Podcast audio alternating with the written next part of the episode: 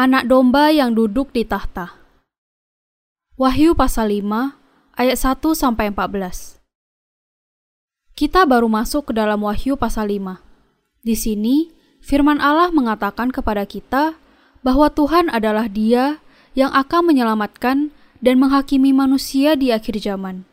Siapakah Tuhan yang kita percayai ini? Firman Allah mengatakan bahwa Yesus Kristus adalah juru selamat bagi mereka yang percaya kepadanya, hakim atas semua manusia, dan raja di atas segala raja. Kita sering berpikir kalau Yesus adalah Tuhan yang terbatas, tetapi Tuhan kita adalah hakim atas semua ciptaan. Tuhan membebaskan kita dari segala dosa, penghakiman dan kebinasan kita dengan memberikan Injil air dan roh kepada kita. Tuhan dengan demikian menjadi juru selamat dan Allah sejati kita. Di saat yang sama, Tuhan kita adalah Raja dan Hakim atas semua manusia. Saat ini, mari kita membangunkan hati yang penuh ucapan syukur kepada Tuhan yang kita percayai dan yang kepadanya kita berserah.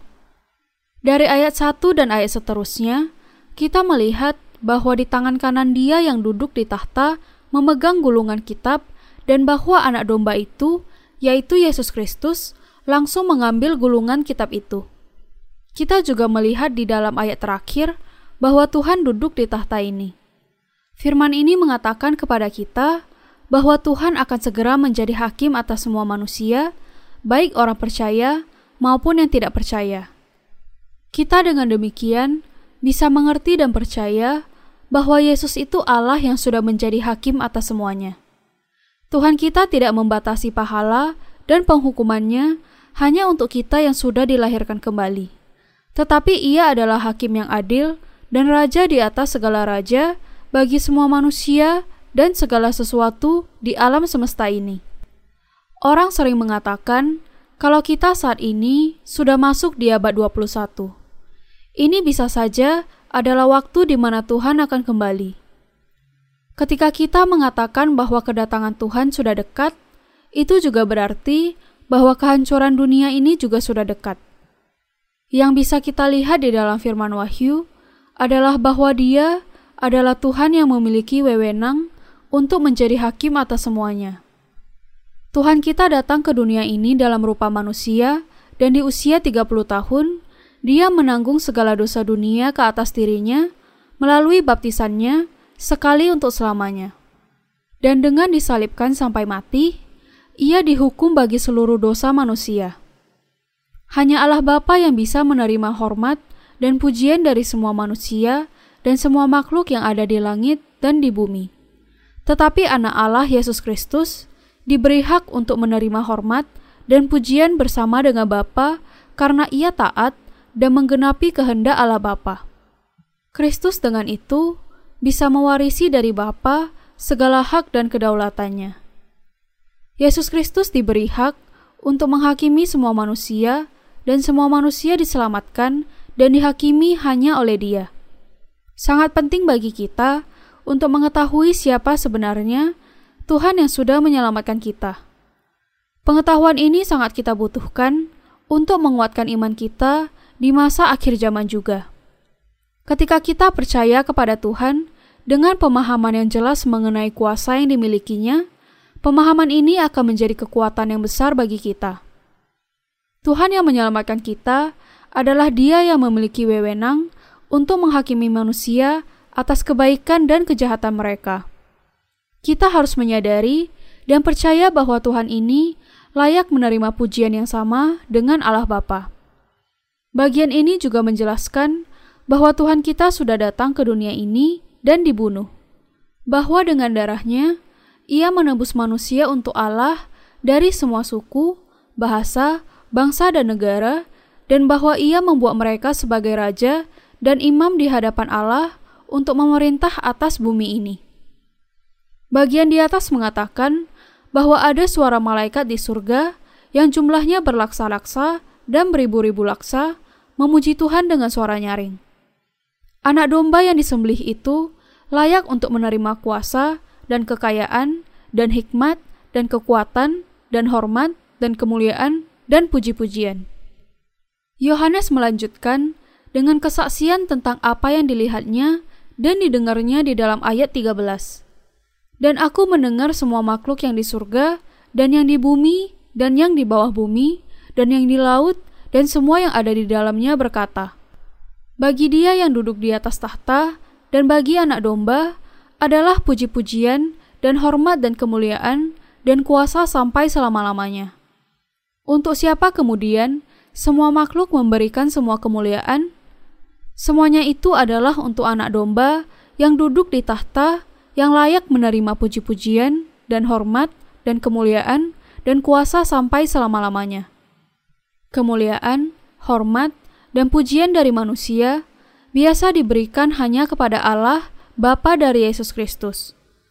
Tetapi karena Yesus Kristus sekarang memiliki wewenang yang sama dengan Bapa dengan datang ke dunia ini dan membebaskan manusia dari dosa-dosa, kebinasaan, dan penghakiman atas keselamatan dan penyucian yang diberikannya ini, ia layak menerima kemuliaan bersama dengan Bapa dan menjadi juru selamat yang layak menerima segala pujian. Dengan memikirkan mengenai hal itu saja, yaitu bahwa Tuhan yang duduk di tahta yang adalah Tuhan dan hakim atas semuanya, adalah juru selamat kita, membawa kepada kita kemuliaan yang memenuhi hati kita. Ini benar sekali. Tuhan adalah Raja di atas segala raja, dan Allah atas ciptaan yang olehnya segala sesuatu yang ada di dalam semesta diciptakan.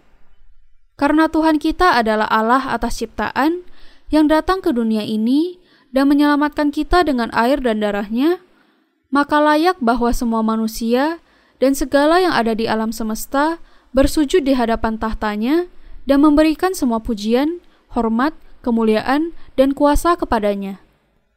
Iman kita sangat dikuatkan dan hati kita dihiburkan dengan pemahaman bahwa Tuhan kita ini adalah Dia yang duduk di tahta kemuliaan sebagai hakim atas semuanya. Beberapa orang berpikir bahwa Yesus adalah sekedar salah satu dari empat tokoh hebat di dunia ini.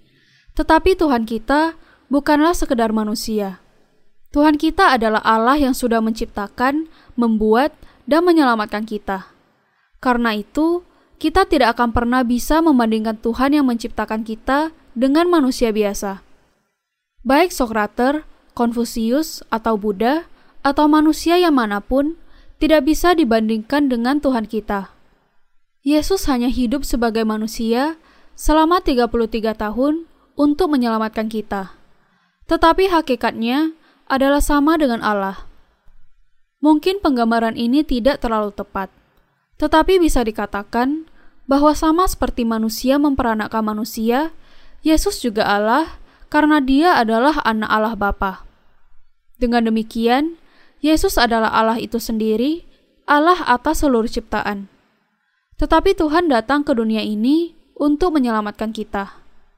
Karena Dia menyelamatkan kita, Ia layak untuk menerima hormat dari kita, dan kita harus dengan teguh percaya di dalam hati kita bahwa Yesus bukanlah makhluk, tetapi Ia adalah Sang Pencipta. Betapa sukacita dan penuh ucapan syukurnya diri kita. Tuhan kita yang bisa menggenapi rancangan Bapa. Tidak ada satupun kecuali Tuhan yang bisa membuka gulungan kitab yang dimateraikan itu. Gulungan kitab yang dimaterai dengan tujuh materai Allah ini adalah gulungan kitab yang berisi janji. Allah menciptakan segala sesuatu di alam semesta ini, termasuk kita, di dalam Yesus Kristus. Bahkan sebelum penciptaan, Allah sudah membuat sebuah rencana di dalam Yesus Kristus untuk menjadikan kita sebagai anak-anaknya.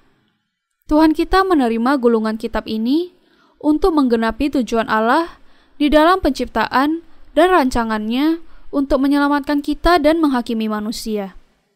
Firman Allah mengatakan kepada kita, "Tetapi tidak ada seorang pun yang di surga, atau yang di bumi, atau yang di bawah bumi, yang dapat membuka gulungan kitab itu, atau yang dapat melihat sebelah dalamnya.